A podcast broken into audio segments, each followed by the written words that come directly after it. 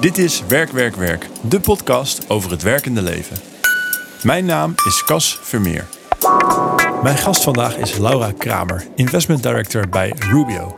Tijdens een studentenproject in Cameroen zag Laura met eigen ogen hoe goed bedoelde donaties en liefdadigheidsprojecten geen duurzame verandering brachten. En veel meer impact kon worden gemaakt door te investeren in lokaal ondernemerschap. Ze besloot de daad bij het woord te voeren en begon als stagiair bij impact-investeerder Rubio. Ondertussen kent ze het klappen van de zweep en dat maakt haar de perfecte persoon om ons rond te leiden in de wereld van het durfkapitaal. Laura vertelt hoe ze geld inzet om impact te maken, hoe het investeringsproces eruit ziet en hoeveel geld er eigenlijk op die bankrekening staat.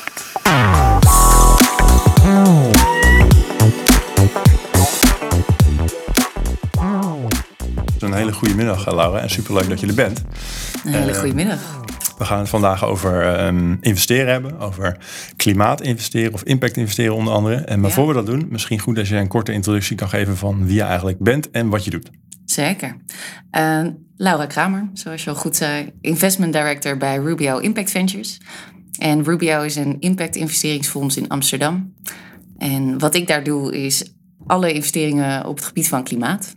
Dus ik investeer in bedrijven die een oplossing hebben voor de energietransitie of voor circulariteit. En eh, die voorzie ik van groeikapitaal om uiteindelijk eh, op hele grote schaal het probleem een beetje minder te maken.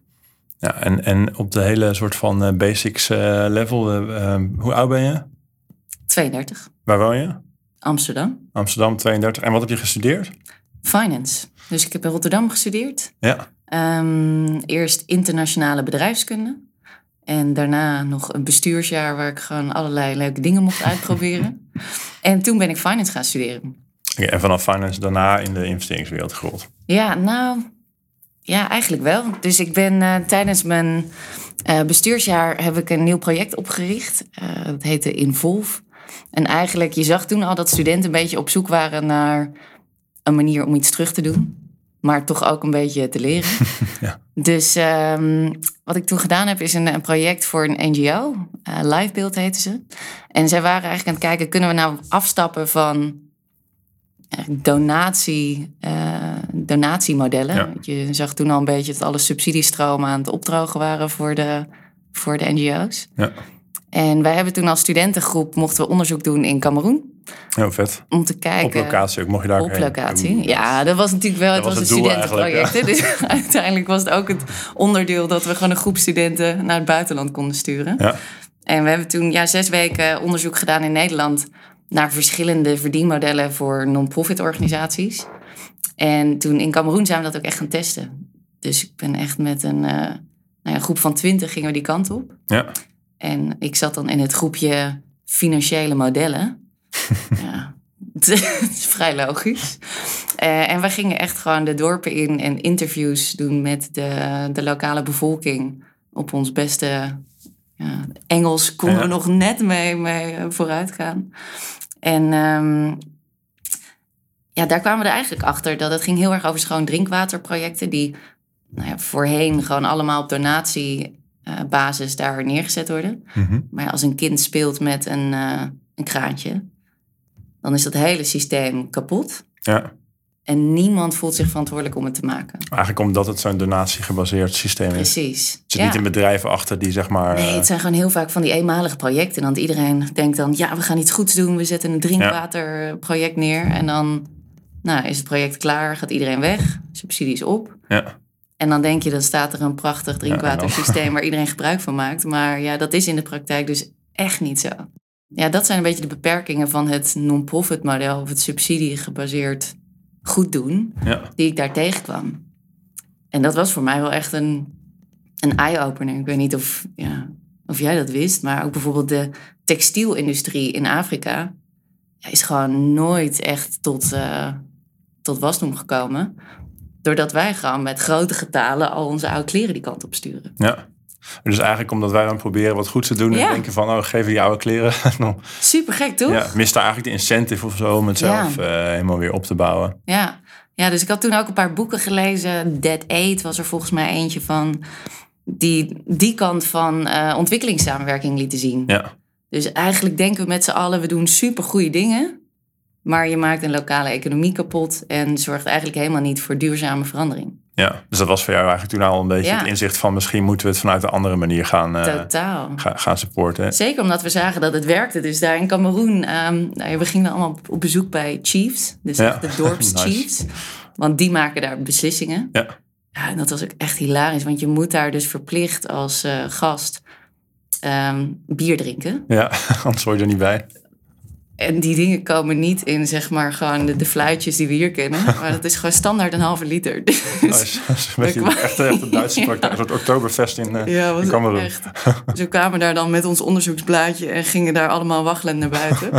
maar wel met allemaal hele goede inzichten natuurlijk. ja. En ehm, ja, het bleek dus eigenlijk dat mensen best bereid waren om naar draagkracht bijvoorbeeld wat bij te dragen. ja, dus dan ga je langzaam Ja. meer naar een business case of een Ja, bedrijfsmodel Dat was toe. gewoon een bedrijf. Ja, Ik dacht, ja, dit is echt zo'n no-brainer. Waarom doen we dit niet op grote schaal? ja, en dus dat was voor jou eigenlijk de, de eerste stap richting het, het impact investeren. Zeker, ja, want dat is niet iets wat je in Rotterdam leert. Nee. in ieder geval toen niet. Nee, ik kan me voorstellen. En, en als we nog iets verder teruggaan, wat, wat Ja. was jou, jouw allereerste baantje ooit wat je als betaald werk hebt gedaan? Ehm, dat was denk ik toen ik 13 was ehm, als gastvrouw in de soort raai-achtige omgevingen. Oh ja, grappig. Ja, dat, eh, volgens mij moest je er eigenlijk 15 voor zijn, maar Ja. Had je zelf er tussendoor eh, ik was altijd al sneaken? 1,80, dus ik, kon- ik kwam er wel doorheen. Ja, en dat verdiende echt supergoed. Je hoefde Ja. gewoon alleen maar de hele dag te zeggen, hi, welkom. Ja, goedemiddag. hier kun je je jas ophangen. Ja, dat was echt een heel fijn bijbaantje. Nice. Nog iets van geleerd, denk je achteraf, wat je nu nog gebruikt? Poeh. Was het niet zo niet? Nee, het was niet echt zo'n levensverandering eh, ervaring, moet ik zeggen. Oké. Nee. Nou, dan gaan we weer even terug in de tijd, of zeg maar weer Ja. terug, jeetje, terug vooruit in de tijd. Zeker. Ehm, dus toen ben je na de studie, of voor mij nog tijdens de studie, al begonnen bij Rubio, hè, waar je nu eh, werkt, maar toen nog als stagiair. ja, En kun je Ja. ons eens meenemen van eigenlijk dat, nou ja, dat eerste stapje tot aan waar je nu bent? Even in vogelvlucht van welke, welke stappen of banen je eigenlijk allemaal hebt gehad binnen, binnen Rubio. ja, zeker. Nee, dus ik ben tijdens mijn master finance... ehm, kwam ik Rubio tegen. Dus ik was al wel een beetje bekend met dat impact investeren. Want dat Ja. was, dit was 2011. Ja, je hoorde hier toen echt nog helemaal niks over. Ja. En toen ehm, kreeg ik via een goede vriend te horen van... Hey, er zijn drie mensen bezig met het oprichten van een impactfonds. Ik dacht, ja, dat is wel echt super cool. Ja. Dus daar als eh, stagiair toen gestart. Ehm, en er was toen ook nog geen fonds. Dus het waren alleen, er was alleen een goed plan. Ja, dat was dat echt is nog jou wel bekend. denk Ja. ik. echt nog het prille, prille begin Super veel begin, ja. Ja. Nee, dus eh, ja, Willemijn Verloop en Machteld Groothuis zijn eh, de founding mothers, zoals we ze noemen. Nice. nou, Willemijn kwam natuurlijk uit die non-profit wereld, heeft Wordchild opgericht en Oh ja. gemaakt. Ja. Machteld juist echt super private equity. Heel erg commercieel eigenlijk. Alleen maar over commerciële eh, overwegingen. En die hebben elkaar in het midden gevonden. Van kunnen we niet impact ondernemerschap op de kaart Ja. gaan zetten? En daar moet dan ook geld voor zijn. Eh, en in die fase kwam ik binnen. Ah, goede timing. Ja, was, ja, dit is echt als je Ja. het hebt over op het juiste moment op de juiste plek zijn. Dat was hem wel. Ehm, en ik was dus al ja, bezig met het idee van die aandeelhouderswaarde maximaliseren die je leert eh, bij je finance studie. Ja. De rationele mens. Ja, dat is eh, echt niet de realiteit. Dus ja, ik vond het verhaal super aansprekend. En ehm, als stagiair heb ik vooral heel erg meegeholpen met kijken, ja, zijn er bedrijven waar we dan in kunnen investeren? Ja. Dus we hadden een hele lange lijst, weet ik nog, van toen ja, een, een onderzoek wat Willemijn had gedaan met McKinsey. Om te kijken van kunnen we inderdaad impact ondernemerschap op de kaart zetten in Nederland. En die lijst ben ik gewoon helemaal eh, doorgelopen. Dus Al die bedrijven bekeken. bedrijven gebeld, eh, bedrijven gegoogeld, ehm, met elkaar overlegd van ja, wat vinden we dan wel impact, wat vinden we niet impact. Ja, ja, want dat moet je natuurlijk ook nog dan ontwikkelen. Wat is eigenlijk impact? Ja, Ja. dat was er ook allemaal nog niet echt. Ja. Eh, dus ik was, nou, ik ben best wel lang een manetje van alles geweest. ja. Want toen je die stage is natuurlijk tijdelijk. Daarna ben je Ja. aan op een gegeven moment afgestudeerd. Precies, toen heb ik Ehm. nog eh, een paar maanden, ben ik gewoon mijn scriptie gaan schrijven. En wat heb je toen als, als, als zeg maar entry-level rol bij, bij Rubio uh, Ehm, ja, toen ben ik gestart als analist. Dus Ja. dat is vaak ook, ik denk als je kijkt naar de investeringswereld, dat is wel een beetje de plek waar je begint. Ja. Ehm, dus dan ondersteun je de mensen die de investeringen doen. Eh, met analyses. Ja, Dus en dat is eigenlijk ook een beetje wat je net zei, toch? Of het onderzoek doen naar de verschillende Ja, bedrijven die er zijn. Ja, En dan, ja, er zijn verschillende. Dus maar ook als je eh, een investering aan het doen bent, dan kijk je naar de markt, naar de concurrentie. Ehm, veel gesprekken met ondernemers natuurlijk. ja. Eh, samen met eh, degene die de investering doet. Ja. Dus vaak werk je een beetje in teams van twee, max drie. Eh, en dat deden wij ook. Ja, leuk. En, en, Ja. Maar nu ben je investment director. Dat is dan Ja. een beetje, als ik het plat zeg, een beetje, ben je gewoon de baas van het fonds. Mag ik dat zo zeggen? Heel plat? Nou, dat is wel heel plat. wat te van het klimaatstuk. Ah, Oké, oké, Ja. sorry. Dus er zijn meerdere dus een managing, precies. Je hebt vaak dan een managing partner is vaak de baas van het fonds. Ja, Ehm, en dan kun je je voorstellen, die houdt veel meer bezig met ook de investeerders in het fonds. Er zit Ja. echt nog een hele wereld achter. ja daarachter. Daar gaan we het zo nog over hebben. Ja, oké. dus jij, jij doet nu vooral het, het, het klimaat... Onder, Ja, de dus ik leid eigenlijk alle klimaatinvesteringen. Ja, oké. En ehm, als investment director in, een- in een fonds, wat, wat verdien je dan ongeveer? Ehm, ik verdien drie keer modaal ongeveer, iets meer, drieënhalf. Ja, en je bent nu natuurlijk eh, een hele, al die stapjes heb je doorgemaakt. Dus, dus kun je eens een beetje uitleggen wat je bijvoorbeeld, als je net begint als analist bij zo'n fonds, wat dan Ja. een beetje het salaris is en hoe zich dat ontwikkelt tot aan waar je nu bent? Ja, dus ik ben begonnen op 45.000 bruto. Dus ja, iets meer dan eh, een beetje anderhalf keer modaal, zou ik zeggen. Ja, Ehm, daar ben ik op begonnen. Nou, en je groeit dan door van analist naar ja, welke naam je er ook op wil plakken. Maar Mhm, ja hoe heet het bij. Rubio? eh, associate hadden we dan. Eh, dan groei je door naar investment manager. Dan leid je eigenlijk aan je eigen investeringen en deals. Ja, maar nog wel met veel support van de, de partner die met je meekijkt. Ehm, en de stap daarna is dan ja, investment director, de junior investment director, senior. ja. Ehm, en dan daarna is de stap partner. En als je dat in Ja. salaris uitdrukt, wat voor stapjes, zeg maar, is dat, loopt dat Ehm, helemaal lineair of zit er hele grote bumps Nou ja, in? wij begonnen ook nog heel erg als start-up natuurlijk. Ja. Dus ehm, we hebben best wel een correctie gedaan toen we uiteindelijk merkten van oké, we hebben een echt fonds. Ja, ah, ja. Dus we kunnen mensen normaal betalen. ja, ze konden eigenlijk misschien bedrijfsbreed konden alle salarissen wat eh omhoog. Precies, ja. Dus die stap is denk ik halverwege hebben we denk ik een wat grotere stap gemaakt. Maar normaal zou ik zeggen ja, dat je als analist associate zul je denk ik tussen de 40 en 60 verdienen, denk ik. Ja, En dan in de stappen daarvoor, ja, hoe meer eh, verantwoordelijkheid je hebt, ik denk dat je dan tussen de range 60 tot 150 zult kijken. ja, Eh, en dat verschilt ook heel erg per fonds. ja. Ja, want bij Ja. 150.000 zit je ook, dat is weer een stuk meer dan wat jij ook verdient. Ja, Ja, Ja. precies. Dus je kan nog ja weer, dus naar eh, partner kun je nog doorgroeien. En hoe groter fonds je ophaalt, Ja. zit er ook weer meer ruimte. Het, ook de keuzes die je maakt natuurlijk, waar je Ja. geld aan uit wil geven. Is dat aan salaris of ehm, ja, op andere vlakken doorgroeien? Ja, uiteraard. Maar je kan dus in ieder geval eh, een goede boterham verdienen in de, Zeker. in ja. de investeringswereld. Oké, nou eh, heel fijn ook. En bedankt dat je dat zo wilt delen. Want Ja. ik denk dat mensen daar stiekem altijd wel benieuwd naar zijn. Zeker Ehm, weten. Ja. Nog even, nog even voordat we dieper de investments ingaan, was ik ook nog wel benieuwd. Heb je vroeger in jouw eh, jonge jaren nog wel eens gedroomd van een totaal andere carrière? Dat je stiekem nog eigenlijk dokter wilde worden of profvoetballer of een hele andere richting? Nee, helemaal niet. Ik had juist. Ik heb ook nog nooit een carrièrepad eh, pad gehad, denk ik. Ik vond alles altijd heel leuk. Ja, Of, nou, niet alles, dat is overdreven, maar wel heel veel verschillende Brede dingen. interesse. Ja, ja. Ja. Ik denk dat ik daarom ook investeerder ben en het zo leuk vind. ja, Want als je één ding heel leuk vindt, ja, dan word je geen investeerder. omdat je dan juist wil je steeds per project, per investering Ja, een nieuwe heel- wereld die je opentrekt. Precies. En een nadeel is dat je veel meer op afstand zit. Ja. Dus ik kan een heel goed idee hebben over hoe ik denk dat een van mijn ondernemers het bedrijf moet runnen. Maar ja, Ja, uiteindelijk zit die aan het roer. kan ik hem vertellen over haar. Dat zul je ook Maar wel doen. zeker weten. Maar ja, daar blijft het bij. ja, ze luisteren niet altijd natuurlijk. Sterker nog. Nee.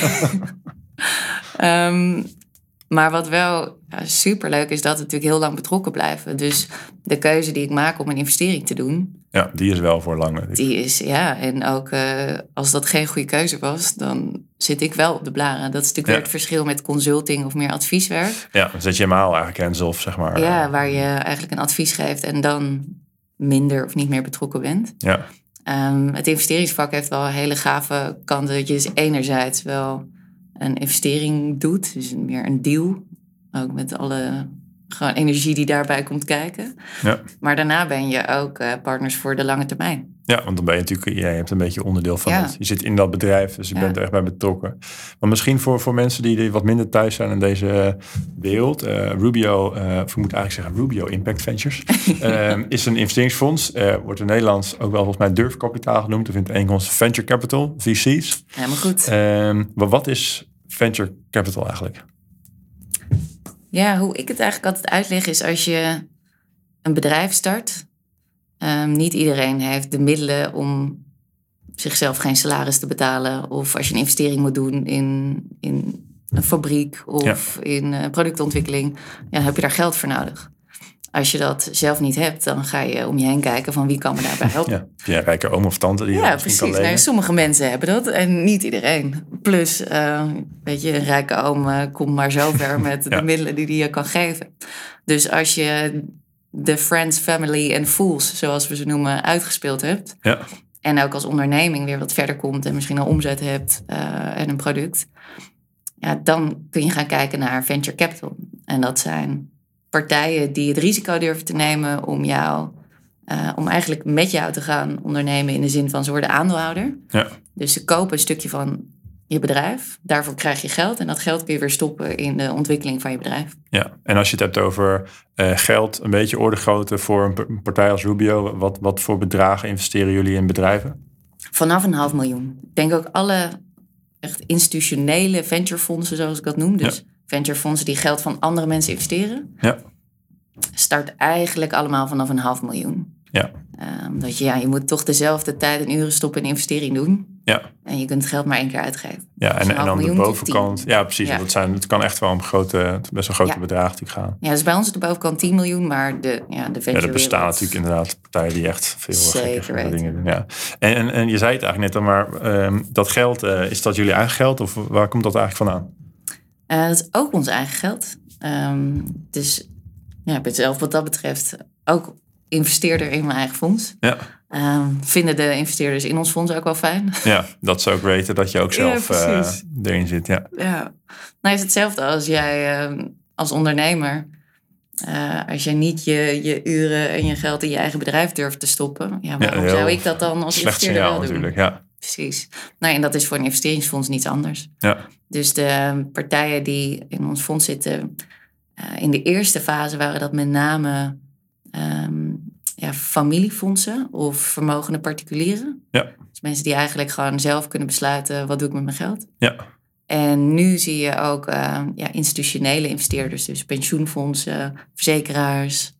Degene die heel veel geld hebben en gelukkig ook steeds meer goede dingen willen doen met dat geld. Ja, dus, dus als investeringsfonds heb je dan eigenlijk de rol dat je het geld, een pot geld beheert van andere partijen en dus ook een beetje van jezelf, Ja. maar ook van andere partijen. En jullie rol is om dat geld zo goed mogelijk uit te geven binnen de scope van investeren in, in vaak jonge groeiende bedrijven. Ja. Dus jullie investeren zeg maar niet, niet in de HEMA of een Philips. Zeker niet. Nee, nee, de gemene deler van venturefondsen zijn dat ze altijd investeren in bedrijven die helemaal geen geld verdienen. Ja, ja jullie Ja, dus investeren in het is verlies. Er is ook de hele grote vraag of venture wel een, een ja, of je daar überhaupt wel geld mee Ja, kan ja, ik heb wel wat mensen horen zeggen dat als je Ja. alle venture capital eh Ja, input dan wordt output optelt, dat er geld wordt verloren. Ja, ja. precies. Maar elke venture capital firm zegt natuurlijk dat jullie de uitzondering zijn. Wij die zitten wel natuurlijk in die top verdienen. 15 die dat wel kunnen. Ehm, maar ja, het is best moeilijk, want je neemt natuurlijk heel veel risico. Het zijn allemaal bedrijven die hele grote ambities hebben, grote dromen en Ja. hele mooie plannen, die vaak ook een markt helemaal op zijn kop kunnen zetten. Ja. Maar ja, het is ook heel lastig om een bedrijf te bouwen. Ja. Kun je een voorbeeld geven van iets bijvoorbeeld waar Rubio vroeger in heeft geïnvesteerd, wat echt een, eh, wat precies een soort van voorbeeld is van hoe je zou willen dat het loopt vanuit het Ja, investeerdersperspectief? zeker. Ehm, nou, ik denk een hele leuke is eh Simpower.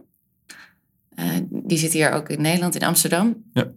En wat zij doen, nou, het is wel goed om te begrijpen, als je meer zon en wind in het elektriciteitsnet wil hebben, dan moet je ook een oplossing hebben voor de momenten dat er geen zon en wind is. Ja.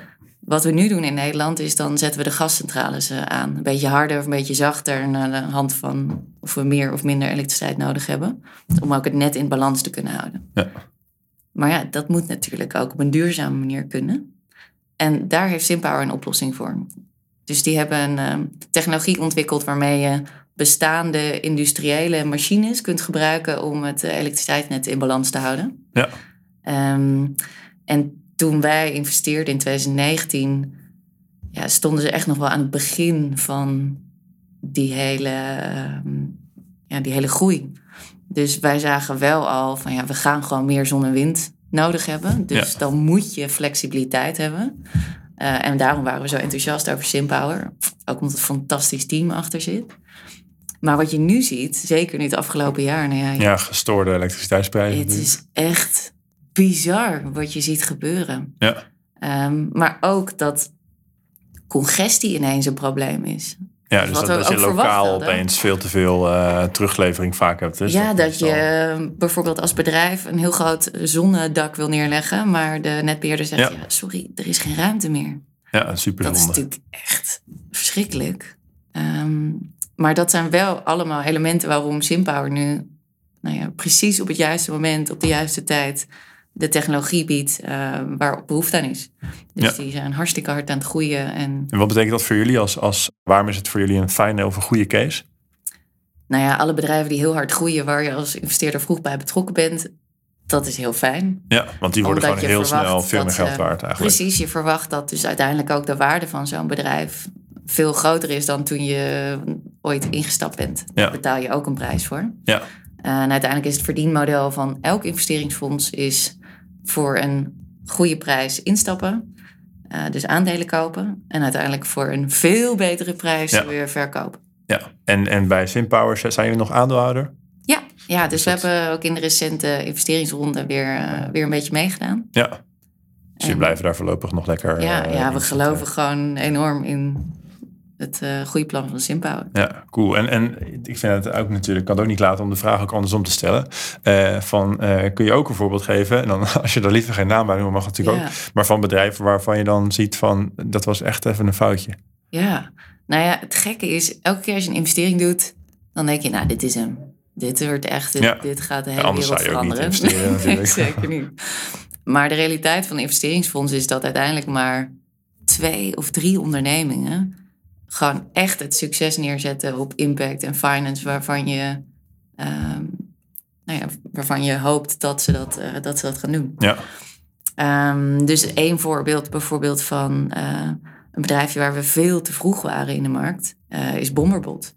Dus dat was ehm, een platform voor basisschoolkinderen om te leren coderen. ja nou, vet. Ja, en er was toen al in het onderwijs in Nederland, volgens mij nog steeds, een enorme ehm, ja, beweging naar we moeten meer skills trainen en we moeten ze klaarmaken voor de toekomstige wereld. Dus we gaan het hele curriculum omgooien. En wij dachten, ja, weet je, gewoon deze technische vaardigheden, die moet je sowieso hebben. Ja, dat dus, sloot daar heel goed aan weer. De tijdsgeest leek er goed Ja, aan te sluiten bij ja. wat zij ja, boden. precies. Maar nou ja, we zijn inmiddels heel veel jaren verder. En volgens mij is het curriculum van basisschoolkinderen echt nog Nog precies hetzelfde als 50 jaar geleden. Ja. Dus verandering op het gebied van onderwijs is super moeilijk. En ook als je één specifiek vak aanbiedt, ehm, is de markt best klein. Ja. Eh, en het is moeilijk om het product echt op grote schaal te verkopen, omdat elke keer toch een leraar wil, weer wil zeggen van oké, ga ik het wel nemen of niet nemen? Ja. Overleggen, het zijn lange salesprocessen. Ja. Dus heel moeilijk om dat op schaal ja, op een goede manier te doen. En dan ben je dus in de praktijk als, als investeerder, dan kun je dus ook je geld kwijtraken wat je erin hebt gestopt. Ja, zeker. Dat een ja. bedrijf failliet gaat of in ieder geval niet de winst laat zien. Ja, wat dat eh, betreft die is het echt ondernemerschap. Dus Ja. het, is, het kan heel goed gaan, maar op heel veel vlakken kan het ook zijn dat je je geld verliest. Of ehm, misschien weer het geld terugkrijgt wat je erin geïnvesteerd hebt. Maar ja, dat, dat is uiteindelijk ook niet waarom je een investeringsfonds start. Nee, nee. En, en jullie zijn natuurlijk ook met Rubio eh, een vrij specifiek fonds, omdat jullie heel erg met het impact investeren en bezighouden. Wat, wat, wat is voor jou de, de definitie van impact investeren?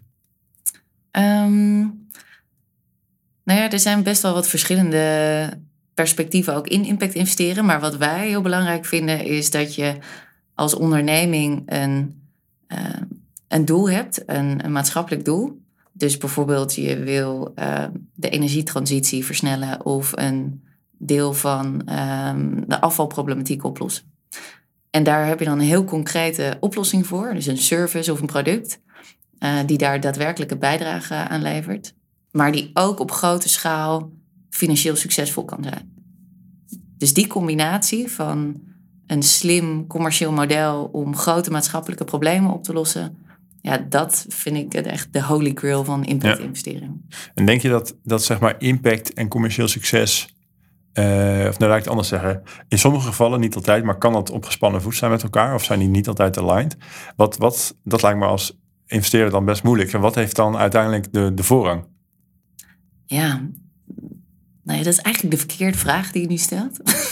ja, dat is Want wat mij betreft, als je die vraag moet stellen, heb je gewoon een verkeerde keuze gemaakt. A, met hoe je je bedrijf inricht, maar ook de investering die wij hebben gedaan. Ja. Dus ik denk de sterkste impactbedrijven zijn degene waarbij ehm, het eigenlijk geen keuze is, maar dat het product of de service het verschil maakt. Dus kan je een voorbeeld geven? Um, Black Bear Carbon, die maken van oude autobanden uiteindelijk een, ehm, ja, een soort koolstof. Ja. Die op, in de huidige markt gemaakt wordt van uh, onvolledig verbrande olie. Nou, dus dat het allersmerigste ongeveer wat je kan bedenken. Super smerig, ja. Maar je kunt je voorstellen dat als zij ehm, verkocht worden of als zij ehm, nadenken over hoe ze meer impact willen maken, en dan moeten ze gewoon groeien. Ze moeten schalen. Ja. En het is niet dat ze dan ineens gaan denken, oh, laten we nu toch op basis van olie een product maken. Dus de, de impact zit daar zo in de kern van. Ja, dus bonus, impact en, en zeg maar financieel resultaat zou je kunnen zeggen, is eigenlijk super aligned. Of zit heel erg in elkaars ja, verlengde. Ja. Dus die bedrijven zoeken we waar dat zoveel mogelijk ehm, ja, aligned is inderdaad. Ja. Goed Nederlands. Ja, ja sorry. Ja. en uh, ik was een tijdje terug, uh, uh, zag ik een boek voorbij komen van die man heet, uh, heet Jigar Shah uit Amerika. Een boek heet Creating Climate Wealth. Mm en, en hij maakt een punt, wat, dat sluit heel erg aan bij wat je net zei. Zei, als je wil opschalen, dus als je impact wil hebben echt op grote schaal, dan moet je ook een commerciële sterke propositie hebben die eigenlijk meeschaalt om dat te ondersteunen. Ja. Um, Alleen had hij daarbij een beetje een kritische noot. Hij zei, als je dan geld ophaalt bij een impactfonds, dan geeft dat ergens een beetje het signaal van, ik kan blijkbaar niet geld ophalen bij andere fondsen. Dus ik zoek zeg maar een fonds wat misschien mijn impact meer waardeert dan mijn commerciële kant. En hij zei een beetje van dat kan wel eens. Ja, een beetje cynische man. En uh, nou, dat weet ik eigenlijk niet. Maar hij zei van dat kan wel eens problemen opleveren als je echt heel groot wilt doorgroeien. Want op een gegeven moment moet je naar dat algemene geld. Ja. Uh, als je echt heel groot denkt, dit was Amerikaans. Dus dan als je op een gegeven moment een paar honderd miljoen nodig hebt, dan moet je de stap kunnen maken naar zo'n bankfinanciering bijvoorbeeld. Ja, why not? Ja, en, en, en nou zijn punt was een beetje van... zou het kunnen dat um, door echt heel specifiek de impact financieren... je dan een labeltje krijgt als bedrijf... wat eigenlijk uh, een signaal geeft dat je niet geschikt bent voor een gangbare financiering. Zeg maar, Snap je een beetje waar die ja, vandaan komt? En denk je dat dat nou ja, zeker, omdat ik denk... Dat was eigenlijk mijn vraag. Nou, ik ben het niet helemaal met hem eens, maar ik snap wel waar die vandaan komt. Omdat ik, wat ik net al zei, is in de impact-investeringswereld heb je ja, verschillende stromingen. Ja. Dus het ene impactfonds is het andere niet. Je hebt ook een stroming die financieel rendement of, of commerciële groei minder belangrijk vindt. Ja. Um, en zegt, weet je wel, impact is het enige. En mooi als ik dan ook nog een keer mijn geld terugverdien of een beetje rendement maak. Ja. Um, dus ja, dus het kan zijn dat als je vooral dat soort impactfondsen kent, misschien is dat in het geval ja, van hem. Hij zei volgens mij ook dat dat lijkt op wat jij nu zei, dat, dan krijg je een soort verwarring tussen zeg maar een soort van filantropie en commerciële uh, viable business, zeg maar. Ja. Nee, waarom ik denk dat het juist super krachtig is om ook een combinatie te hebben van een impactfonds en een, een traditioneel alleen maar geld gefocust fonds. Mm -hmm. um, ja, is niet zozeer met um, dus ook dat, dat geldgefocuste fonds van wat ze dan uh, als businessmodel hebben, maar meer wat is hun expertise, wat brengen ze mee. Ja. Uh, dus als zij een hele goede naam hebben, ja, dat is voor een bedrijf in een goede fase goed. Maar een impactfonds, wat fijn is, is dat je op iets wat je als ondernemer heel belangrijk vindt, ja. een sparringspartner hebt, iemand die echt investeerder is in je bedrijf, waar je dus ook op die manier mee kan praten. Dus waar de waardes kloppen, waar. Um, ja, de gesprekken niet alleen gaan om kosten wat kost van alles en iedereen ja. de wereld te veroveren. Ja. Maar ook op een manier waarop je maximaal een verschil maakt. Ja, dus jullie soort van waarden zijn eigenlijk misschien ja. iets meer dan in lijn met, met wat ook de, de, de, de ondernemer vaak ja. wil. Ja. ja. interessant. Ik vond het, eh, ik, had, ik had ook niet meteen dat ik dacht, ik ben het helemaal eens met die man, maar ik vond het wel een prikkelende gedachte om erover na te denken wat ook Zeker. wat het eh, kan betekenen voor het echte grote opschalen. Nou, en ik denk ook de impact investeringswereld is natuurlijk nog best wel jong. Ja, ja en ook heel Ehm, wel divers natuurlijk. want Heel veel aangaf. verschillende smaken. Dus ja. er zijn er genoeg impactfondsen die, die dat ik denk, ja, dit had ik zelf anders gedaan. Ja. Dat denken ze misschien ook. Ja, maar dan mogen die mensen ook een keer langskomen als gast. Als ze, willen- als ze een goed verhaal willen delen. Ja. Oké, en, en, en nu eh, binnen Rubio ben je nu dus eh, investment director. Ja. Ehm, ik was benieuwd, wat, wat zijn eigenlijk de verantwoordelijkheden van de investment director binnen zo'n fonds? Ja. Ehm, nou ja, allereerst de strategie van Rubio omtrent klimaat. Dus Ja. welke investeringen willen we doen en waarom? Ehm, welke impactproblemen zien we op het gebied Ja. van klimaat en waar denken we dat wij echt een eh, bijdrage kunnen leveren en de beste investering kunnen doen? Daarnaast het eh, team aansturen. Dus gewoon de wekelijkse meetings. Ja, dat is een stuk management daarin. Precies, ook. echt management. Ja. Ehm, en daarnaast ook eh, deals doen. Dus de investeringen binnenhalen, eh, netwerk onderhouden. ehm, daadwerkelijk eh, zorgen dat je ook een investering kunt doen.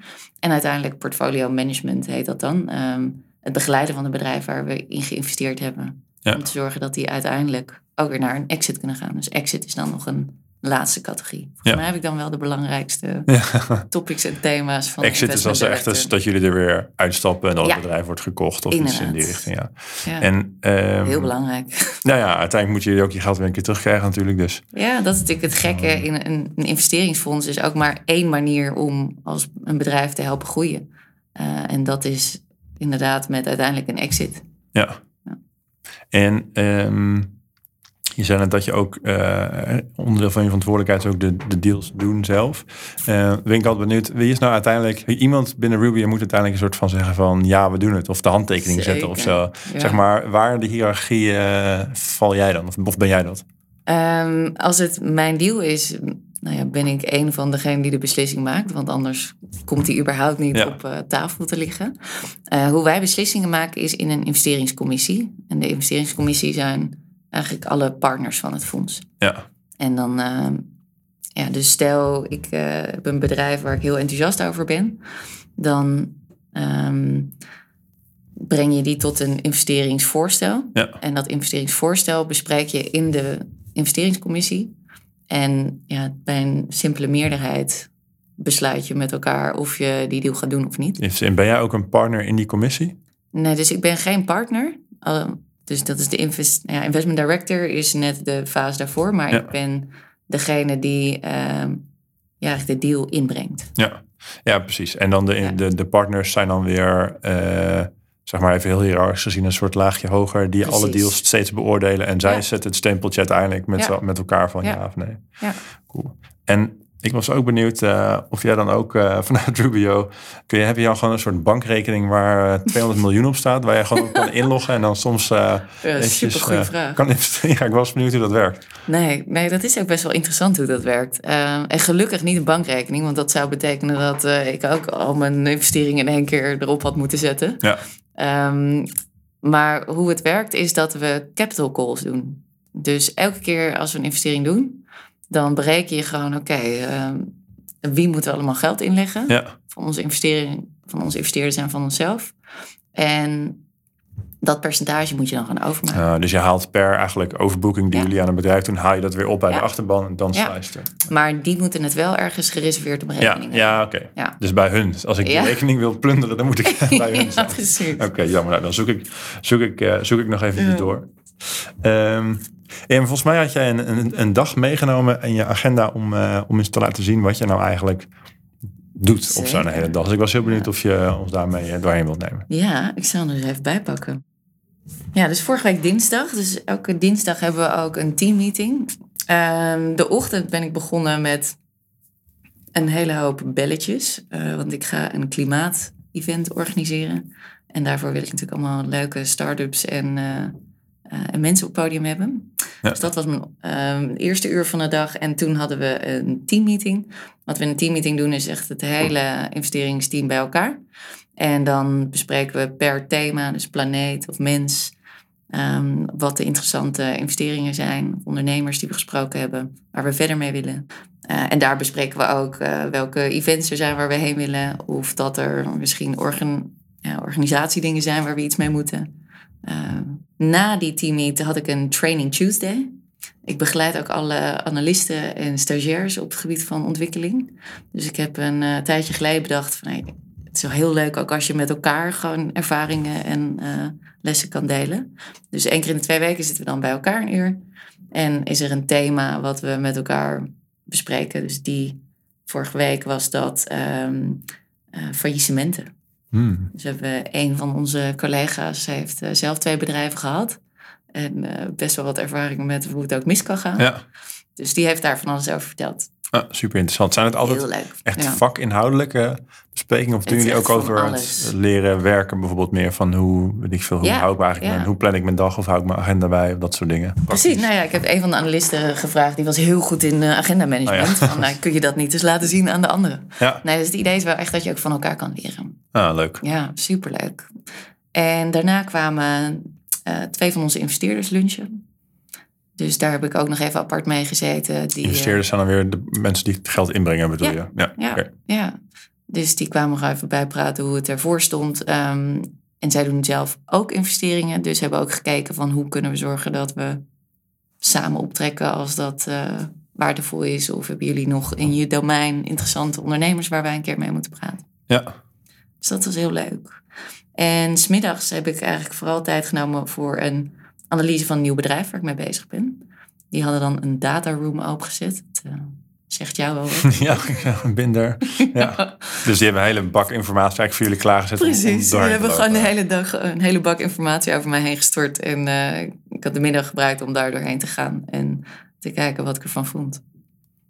Dat was, eh, dat was de dag. Cool. Wel een, Ja. best wel een afwisselende dag met ook zowel zeg maar wat focustijd en ook veel kletsen zeg maar of met mensen Ja. werken. Ja, ik denk dat dat ook wel best wel representatief is. Dus ehm, eh, de focustijd is soms wel lastig te vinden, omdat ik ja, veel, eh, veel gesprek heb ook met ondernemers, Ja. maar ook met andere investeerders om te zorgen dat je de goede deals binnenkrijgt. Ja. Ehm, kan me voorstellen dat ook hoe meer je dat de, de analisten bij spreken wat meer tijd hebben daarvoor Ja, natuurlijk zeker. dan, dan ja. jij. ja, dat is inderdaad wel echt een groot verschil van nou ja, de afgelopen acht jaar. Ja. Dat je dat steeds minder eigenlijk. eh, Minder steeds minder focustijd. Ja. En veel meer verschillende dingen. Ja, want Ja. ik was natuurlijk als analist echt niet bezig met eh, of mijn mede-analisten een beetje goed opgeleid werden. Nou ja, dan heb je gewoon lekker. dan heb je eh, gewoon geen managementtaak. Nee, dus dan doe je gewoon, dan ben je gewoon een week bezig misschien om een bedrijf helemaal door te lichten. Ja, of, ja, zoiets. financieel model te bouwen. Ja, ehm, alle concurrenten te spreken in een bepaald gebied. ja. En hoe, hoe heeft dat jou, eh, ehm, ja, omdat je het zo zegt van je, je, ik denk dat je werkdag, eh, dat is een heel mooi beeld geeft van wat je nu doet. En helemaal in het begin zat je misschien heel erg op veel langer gefocust op, eh, op echt die bedrijven analyseren. Maar wat heb jij dan daar bijvoorbeeld van geleerd in de afgelopen jaren van wat je nu misschien echt wel anders doet dan wat je deed toen je net begon? Ook qua hoe je persoonlijk zeg maar je hebt ontwikkeld. Ja. Nou, ik denk het leuke is dat je, of eh, waarom denk ik ook acht jaar gebleven ben bij Rubio, Ja. Is dat ik helemaal mee kon groeien ook met de organisatie. Dus ehm, eh, ik heb echt een super goede manager die heel goed altijd net iets meer gaf dan ik Ja. comfortabel aankom. Nou, dat is wel de crux om ook heel snel veel te kunnen leren. Ja. Ehm, en elke keer meer verantwoordelijkheid betekent ook weer elke keer vastlopen in hoe je je week indeelt. Dus zeker bijvoorbeeld die transitie naar ehm, het team op het gebied van klimaat aansturen. Ja, ineens moest ik deals doen en mensen aansturen en een plan bedenken voor ontwikkeling en strategie. Ja, dat was. eh, ik heb toen gewoon veel meer uren gemaakt. Totdat ik besefte van, oké, ik moet wel zorgen dat... Ja, dat, dat is niet altijd de oplossing. Nee, zeker nooit de oplossing. Ja. Maar ja, dan je, moet je toch even doorheen. Ehm, tot je weer toch een beetje comfortabel wordt in de nieuwe rol. En eh, het niet allemaal weer nieuw is. Ja. Ehm, en ik ook weer bewuster tijd ging vrijplannen voor, voor focusuren bijvoorbeeld. Ja. Ja. En ook gewoon veel meer dingen niet doen. Ja, ja dus daar kan me nog ook voorstellen dat het wel echt een learning is of die iedereen doorheen moet, dat je dat, dat moet leren. Ik vond dat wel echt de grootste stap, denk ik, van eh, ondersteunend zijn aan naar zelf de route uitzetten. Ja, en, en ook ondersteund worden eigenlijk. en moet ook leren, zeg dat? Leren steunen. Ja, ja, ja. En dat ook op een goede manier ja, faciliteren natuurlijk. Ja, Maar dat, als dat lukt, is wel heel relaxed. Ja. ineens. Er gebeurt zoveel wat je in je eentje nooit voor elkaar krijgt. Ja, dat vond ik wel echt een dat je zo'n eye-opener. kantoor open doet en denkt, iedereen is hier aan het werk. Ja. En ik, ik kom nu pas binnengewandeld en dan gebeurt er in ieder geval wat. En ik was ook benieuwd, wat, wat heb je misschien on- ontdekt ondertussen? Wat zijn nou karaktereigenschappen die eh, passen bij echt een goede investeerder? Hm. Ik denk dat er een aantal verschillende profielen zijn die goed passen bij een investeerder. Mhm. Wa- Wat ik eh, als belangrijke profielen zie, is enerzijds iemand die echt heel sterk is op relatie. Je moet uiteindelijk toch met op vertrouwen met iemand een, een soort partnership aangaan. En ja, door dik en dun, Ja. door alle ups en downs van een start-up met elkaar door één deur kunnen. Ehm, maar aan de beginkant moet je ook iemand overtuigen dat je met elkaar wil samenwerken. Dus die relaties aangaan en ehm, op, vanuit allerlei verschillende hoeken en kanalen mooie ondernemers en ondernemingen vinden. Dat is een hele belangrijke eigenschap. Ja. Maar de analytische kant eh, is ook super belangrijk. Om inderdaad wel met heel veel focus je ergens op te sluiten en te doorgronden wat het businessmodel is, waar, hoe het nou echt zit qua unit economics bijvoorbeeld. Ja, Ehm, maar dat hoeft natuurlijk. Zit dat in één persoon of kan dat ook niet altijd. Nee, dus daarom zeg ik, er zijn echt wel verschillende profielen. Je hoeft niet in één fonds ehm, allemaal relatiemensen mensen te hebben. Het is juist, vaak heb je iemand die goed is naar buiten toe. Iemand die wat meer ehm, ja, de analytisch scherpe vragen daaruit haalt. En dat hoeft niet in één persoon te zitten. Sterker nog, dat is vaak best lastig, denk ik. Ja. Dus dat zijn wel belangrijke profielen, denk ik, die je ziet. En dan afhankelijk van het veld waar je in zit. Ja, voor klimaten is het ook wel heel fijn als je iemand heeft die eh, heel technisch is. Om de technische innovaties te kunnen beoordelen. Ja, dus dat, ja, precies. En ook dat kan natuurlijk weer, eh, hoeft niet allemaal weer in één persoon te zitten, Nee. maar dat in ieder geval iemand die een skillset heeft om eh, te Ja. doorgronden wat er eigenlijk de start-up aan het doen is als het iets technisch is. En verder helpt gewoon veel deals doen. Dus ja, word je er dan steeds Ja. beter in? Ja, omdat er zoveel nuances zijn in, eh, in het doen van een investering. Ik ben ook wel benieuwd naar hoe jij daar naar, naar terugkijkt. Maar Ja, waarschijnlijk wat jij heel belangrijk vond en in, in een investering of in een investeerder, is voor een ander weer heel anders. Dus er zijn zoveel verschillende personen en ondernemers. Ja. Maar er zijn wel een aantal elementen die telkens terugkomen, namelijk controle. Niemand vindt het fijn om controle weg te geven, maar zowel de investeerder als de ondernemer wil die hebben. Dus daar zijn een hele hoop gesprekken over die altijd heel spannend zijn en met veel emotie.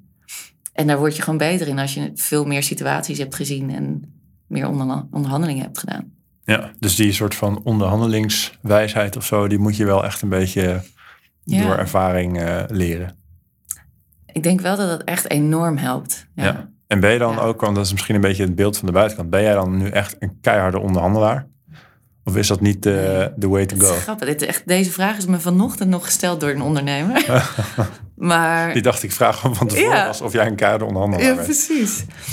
Nee, dat denk ik niet. Ik ben wel een, nou ja, een, een rechtvaardige of een eerlijke onderhandelaar, eh, denk ik. Maar uiteindelijk, ja, als ik jou helemaal ga uitknijpen als ondernemer en je met je rug tegen de muur aanzet, ja, daar win ik echt op lange termijn helemaal niks mee. Want uiteindelijk zie ik dat alle relaties die we hebben met ondernemers zijn, is het vertrouwen een van de allerbelangrijkste. Ja, En dat, maak je dan vanaf het begin ja. af aan al finaal kapot. een Ja, stuk. ja. Nee, dus dat is. eh, ik vind dat je allebei een goede deal hebt, misschien nog wel belangrijker dan ik de aller, allerbeste deal voor mezelf heb. Want uiteindelijk heb ik die niet. Want jij gaat het werk doen, jij gaat de onderneming bouwen. Ja. Ja, interessant. Dus, dus dat is ook al wat meer ge- genuanceerd misschien dan... eh, Het is natuurlijk al een hele saaie, genuanceerde antwoord. ja, nee, maar dat is goed. We hebben nu even de tijd voor ons ja, precies. uit te spreken. Dat is juist leuk. En, en nog wel, wat ik, eh, één ding wat ik ook toch wel eh, niet kan laten om te vragen is... Je had net natuurlijk je, je dag verteld. Het was een hele leuke dag, denk Ja. ik. Ehm, maar er moet ook wel eens af en toe even een stomme dag tussen zitten. Dus ik was benieuwd, wat, is nou in dit werk iets waarvan je zegt van... nou, dat zou op zich prettig zijn als ik dat kon missen uit mijn, uit mijn werkdag. Maar het hoort er wel bij. Nou, ehm, ligt misschien ook een beetje aan mij. Maar ik vind alles wat te maken heeft met reporting Ja, echt verschrikkelijk. Ehm, en we hebben door de EU steeds meer wet en regelgeving op het gebied van witwassen. Ik weet niet Nou of je eens van UBO's en KYC's hebt gehoord. ja, dat is allemaal regelgeving om zeker te weten dat je niet per ongeluk geld aan witwassen bent, toch? Ja, Eh, inderdaad. Nou ja, en daar kun je echt heel veel tijd aan besteden. dus als ik een dag heb waarin ik dat moet doen, ehm, tref je me heel ongelukkig aan. Dan zit je hele Of als, ik, ja, of als ik iets met notarissen moet doen. Die, oh, echt, die mag je ook nog een keer uitnodigen in je, in je Alles, podcast. even, ja, alles met notaris. Maar dan zal Ja, alles waar een natte handtekening voor nodig is, Ja. ja. dan kun je me ergens opvegen. Ja. Oké, grappig. Maar goed, daar ontkom je natuurlijk niet altijd aan als investeerder. Nee, nee, hoort er allemaal bij. Bij de deal komen ze toch weer eventjes eh, wat euro's toucheren Precies. voor de handtekening. Oké, oké. Maar ehm, eh, goed om eh, dat ook eh, te horen. Want ehm, eh, uiteindelijk, je hebt nu acht jaar bij Rubio gezeten. Ja, Ehm, nou, je vertelde mij al in de voorbereiding dat je eigenlijk op dit moment net vrij kort geleden hebt besloten dat het ook alweer tijd wordt voor wat nieuws. Ik was heel benieuwd hoe, zeker. waarom je dat besluit hebt genomen en, en hoe je daartoe bent gekomen. Ja, ja dat was echt wel een, eh, nou, ook wel een spannend besluit. Ja, daarom Ehm, ik, dat kan ik me voorstellen. ik, als ik om me heen kijk, ook eh, vrienden met wie ik praat, ik ken weinig mensen die meteen op een plek terecht zijn gekomen van ze dachten, ja, dit vind ik echt superleuk. Ja. Ja, en dat heb ik wel. Ja, dat is Dus juist natuurlijk iets om heel blij fijn. mee te Echt zijn. een mega luxe. Ehm, maar het is ook mijn eerste baan. Ja, En acht jaar is best wel lang. En ja, het grappige is, ik had dit jaar gewoon super veel leuke dingen gedaan. Dus na die stap van nu eigenlijk eh, de st- klimaatstrategie maken, Ja. eh, mensen aansturen, hele leuke investeringen gedaan. En dan ehm één keer per kwartaal zitten we bij elkaar ook om te kijken van ja, hoe staat het ervoor? persoonlijk zeg maar, hoe gaat ja, het met je? Ja. ja, dus toen, ik was dat gewoon aan het voorbereiden in het weekend. En toen dacht ik ineens, weet je, ik heb eigenlijk wel zin in iets nieuws. en toen heb ik dat maar meteen eh, gezegd die maandag. Het was wel even een grote schok. Ja, je hebt wel heel snel beslist dan. hè? Dan voel je dan ja, niet was een echt soort... super snel. Maar dat, ja, dat is misschien ook je persoonlijke. Ja. dat? Dat? Dat jij dus dan misschien dat best wel kan aanvoelen bij jezelf. En als je het dan eenmaal voelt, dan dat je het dan ook weet. Ja. ja, ik heb daar ook echt eigenlijk nauwelijks twijfel over gehad. Volgens mij, ik heb het inderdaad... eh, ben toen ook een beetje gaan kijken van... oké, wat zijn er dan voor andere dingen? En toen kwam ik allemaal hele gave banen tegen. Ja. Kun je een voorbeeld noemen van iets wat je dan, niet per se dat je dat direct gaat doen, hoor, maar waar je dan Nee, denkt, dat, van, ja, nou, super ik was tof. bijvoorbeeld de quantum technologie, Ja. quantum computing. Ja, vind ik super cool. Dat is echt, ik zie het gewoon al helemaal voor me in de toekomst, zeg maar, hoe we weer een totale nieuwe wereld ingaan. Ja, Ehm, en dat is niet iets vanuit impact investeren, is nog wel, ja, de impact van quantum is nog wel heel ver weg. ja, het is nog niet Maar tastbaar ik genoeg geloof misschien. wel. Nee, het is nog niet tastbaar genoeg Ja. voor een investeringsfonds. Maar wel dat ik zie, ja, dit kan ook op gebied van materiaalontwikkeling, biobased, zo'n verschil maken. Ik dacht, ja, dat is hoe vet als je daar onderdeel van kan zijn. Ja. Dus je zag weer nieuwe missies om bij... ik zag eh, gewoon weer allerlei nieuwe haken. gave technologieën waar ik, waar ik misschien dan ook in een bedrijf iets mee zou kunnen. Ja, Cool. En, en je hebt het dus toen ook meteen aan je team eh, ja. verteld. Hoe, hoe was dat? ja dat was wel een emotioneel weekje. Ja? ja, want het is natuurlijk wel... Ja, ik ben echt sinds het begin betrokken. ja. We zijn wat dat betreft wel een heel hecht team die samen Rubio hebben ja. En de mensen waartegen je dat zeg maar moest vertellen, zijn dat ook dezelfde mensen nog of deels waarmee je echt oh, eh, ja, de ja, reis hebt... eh, want we- ja, de team is eh, ja, heel stabiel geweest. ja. Ja. Ja, Dus dat maakt het dan wel lastig. Maar ja, je kan... Dat maakt de beslissing ook Ja. wel lastig. Nou ja, ook omdat ik weet... Ik ging natuurlijk niet weg vanuit een positie van... ik ben niet blij met mijn baan. nee, ik dus vind het- geen daarom zit ik er ook nog steeds heel, Ja. heel happy. Maar ehm, het is echt vanuit het idee... er is nog zoveel meer in de wereld. Ja. Gewoon zin in een nieuw avontuur. Want dat, dat, dat zo'n gesprek moeilijk is, kan voor sommige mensen soms zelfs wel een reden zijn om het dan maar niet te doen. Dus die Ja. blokkade. Dus, maar daar heb je dan je toch wel Ja. eh, overheen gezet. Nou ja, ik denk dat ik ook wel heel verwend ben wat dat betreft. Dat we ehm, een team hebben waar heel veel vertrouwen in is in elkaar. En er is ook heel veel ruimte om elkaar dingen te gunnen. Ja, Dus ik wist ook wel zeker dat ze mij echt van harte een nieuwe stap of nieuw avontuur zouden gunnen. Hoe jammer ze misschien ook voor Rubio zouden ja dus je, bent dan, je hoeft dan niet bang te zijn voor echt een soort, eh, Nee. hoe zeg je dat? Ja, ergens zijn ze natuurlijk teleurgesteld. Want ze vinden het leuk dat je er bent, maar niet dat je echt, weet ik veel, boze mensen of zo. eh. Nee, ik had Ja. niet verwacht dat ze me schreeuwend wegzouden. dus dat is misschien, ja, dan is zo'n beslissing ook wel anders. Dan Ja. maak je hem veel meer vanuit vertrouwen en comfort. In plaats van dat je denkt, oeh, nu moet ik echt een gesprek aangaan met mensen die, die me dit helemaal niet gunnen of zo. ja. Ik kan me voorstellen dat het dan echt wel moeilijker is. En, en nu je het eh, verteld hebt, eh, binnen Rubio, maar nu ook Ja. aan heel Nederland. wat, Heel Nederland, zeker weten. heb je nog daar een ander, wa- wat voor gevoel heeft dat? Want dat is natuurlijk weer dan een andere stap. Als je het eenmaal besloten en gezegd hebt, dan Klopt. gaat je hoofd natuurlijk wel in een andere modus. Ja. Ehm, nou ja, ik was wel blij dat aan hoe meer mensen ik het vertelde, ik dacht van ja, dit is nog steeds Ja, krijg je heel veel energie goeie test van. of zo ook Ja, het is een hele goede test. Als Ja. je dan denkt, Ja, dan moet je er misschien nog een keertje over nadenken. Nee, ik krijg alleen maar heel veel energie van. Ook omdat ik nu, ik heb een concrete einddatum bedacht. Ja. Ik heb eh, afgelopen weekend auditie gedaan voor een parttime muziekopleiding. Oh, En cool. toegelaten. Nice, gefeliciteerd. Ja, heel Wat vet. voor muziek eh, wordt er gemaakt? Eh, ik ga jazz piano spelen. Oh, heel ja, cool. Ja, in een combo met allemaal... Ja, gewoon echt een opleiding op dat Ja. gebied. Dan krijg je natuurlijk heel veel energie van dat dat soort dingen ook opeens Precies, kunnen. Opeens ja. nieuwe mogelijkheden. Ja. ja, maar ik heb ook tijdens... drie jaar geleden heb ik een keer drie maanden vrijgenomen. Ja, toen ben ik gaan leren surfen. Ik geloof enorm in het soort van idee...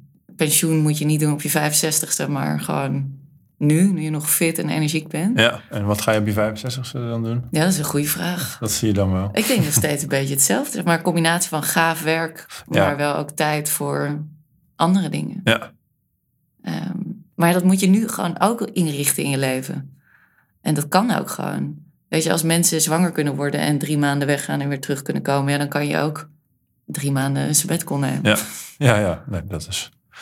oh, Dat, daar is geen spel tussen te krijgen. Hele Ja. goede logica dit. zeg. Nee, dat, dat, Ja. maar ik, ik snap wat je bedoelt. Want die, Ja. die, blijkbaar is die ruimte er en de wereld vergaat niet als iemand een paar maanden Zo weg is. onmisbaar Dat ben is- je helemaal niet. Drie Nee, maanden is echt... Ik, oh, ik weet nog dat ik terugkwam. Ik dacht... Jezus, er is zo weinig gebeurd. Dus- weet je, er gebeurt echt wel wat. En er gaan dingen verder. Maar ja, in drie maanden... Ik denk dat je een beetje overschat wat je allemaal voor elkaar krijgt in drie Ja. maanden. En zou je dat dan nu ook... Denk je ook dat je nu ook weer even zo'n tussenperiode gaat doen? Zeker, ja. ja, ja.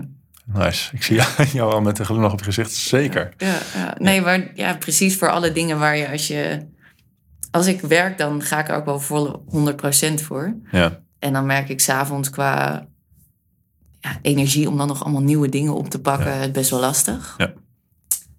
Maar als je alle tijd van de wereld hebt, dan kan dat wel. ja. Dus die periodes kun je echt gebruiken om dan de dingen Ja. te doen die niet lukken. Ja, Eigenlijk precies. Nou ja, bijvoorbeeld dus muziek maken, dat Ja. kan ik wel een beetje naast werk. Maar ik wilde gewoon met jazzpiano echt verder komen. En Ja. dan is dat best lastig om eh, een beetje naast je werk erbij te doen. Ja.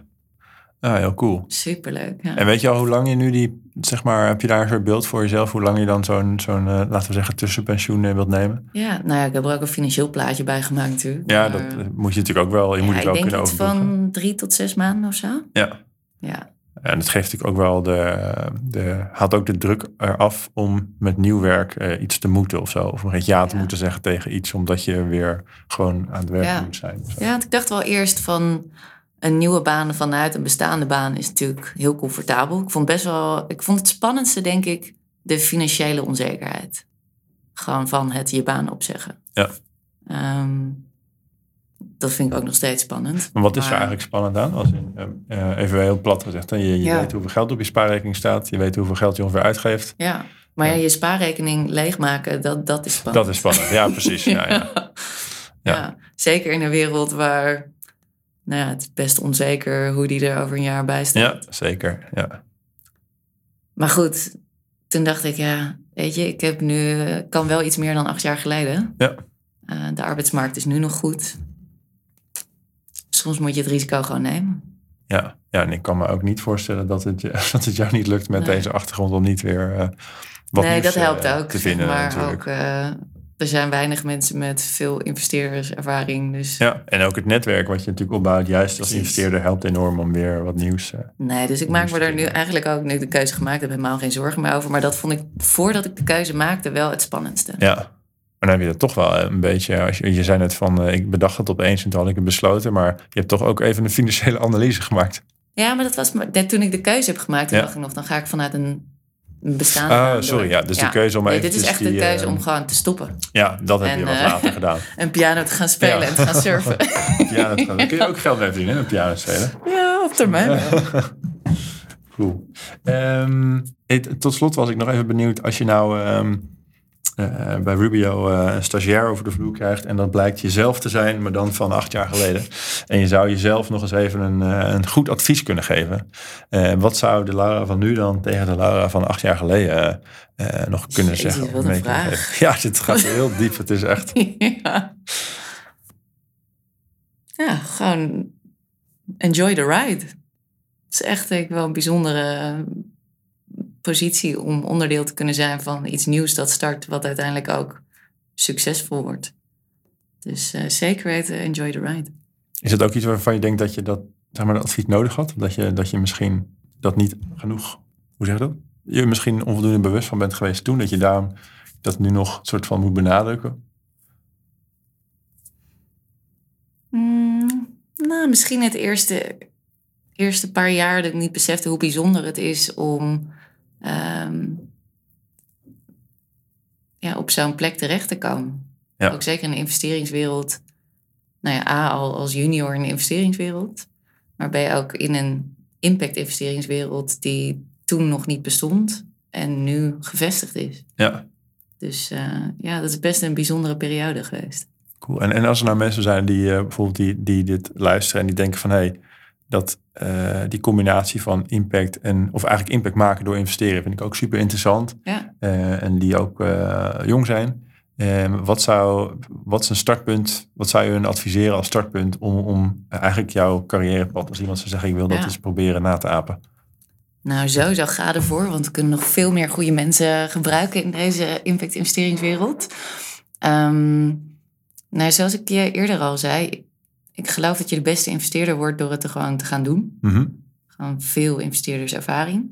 Maar hoe doe je dat? Zeg maar, dan moet je wel bij een. Ja, dus nou, er zijn eh, gelukkig komen er elke week weer nieuwe klimaat-impactfondsen bij. Ja, maar dat groeit heel hard, hè? Het groeit gigantisch Ja. hard. Dus er zijn heel veel plekken om te starten. Ja. En dat is gelukkig wel veranderd, want dat was tien jaar geleden echt niet zo. Was het echt zo'n drie plekken per jaar. Maar er zijn gewoon veel meer plekken voor echt analisten om te starten. Ook wel stageplekken, dus die zou ik ook zeker opzoeken. Wat helpt is om mensen op LinkedIn te volgen, of fondsen op LinkedIn te volgen die net een fonds hebben opgehaald. Want die hebben altijd mensen nodig. Ja.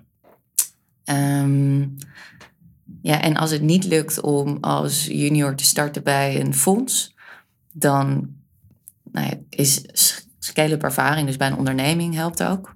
Ja. Dat is eh, altijd relevant.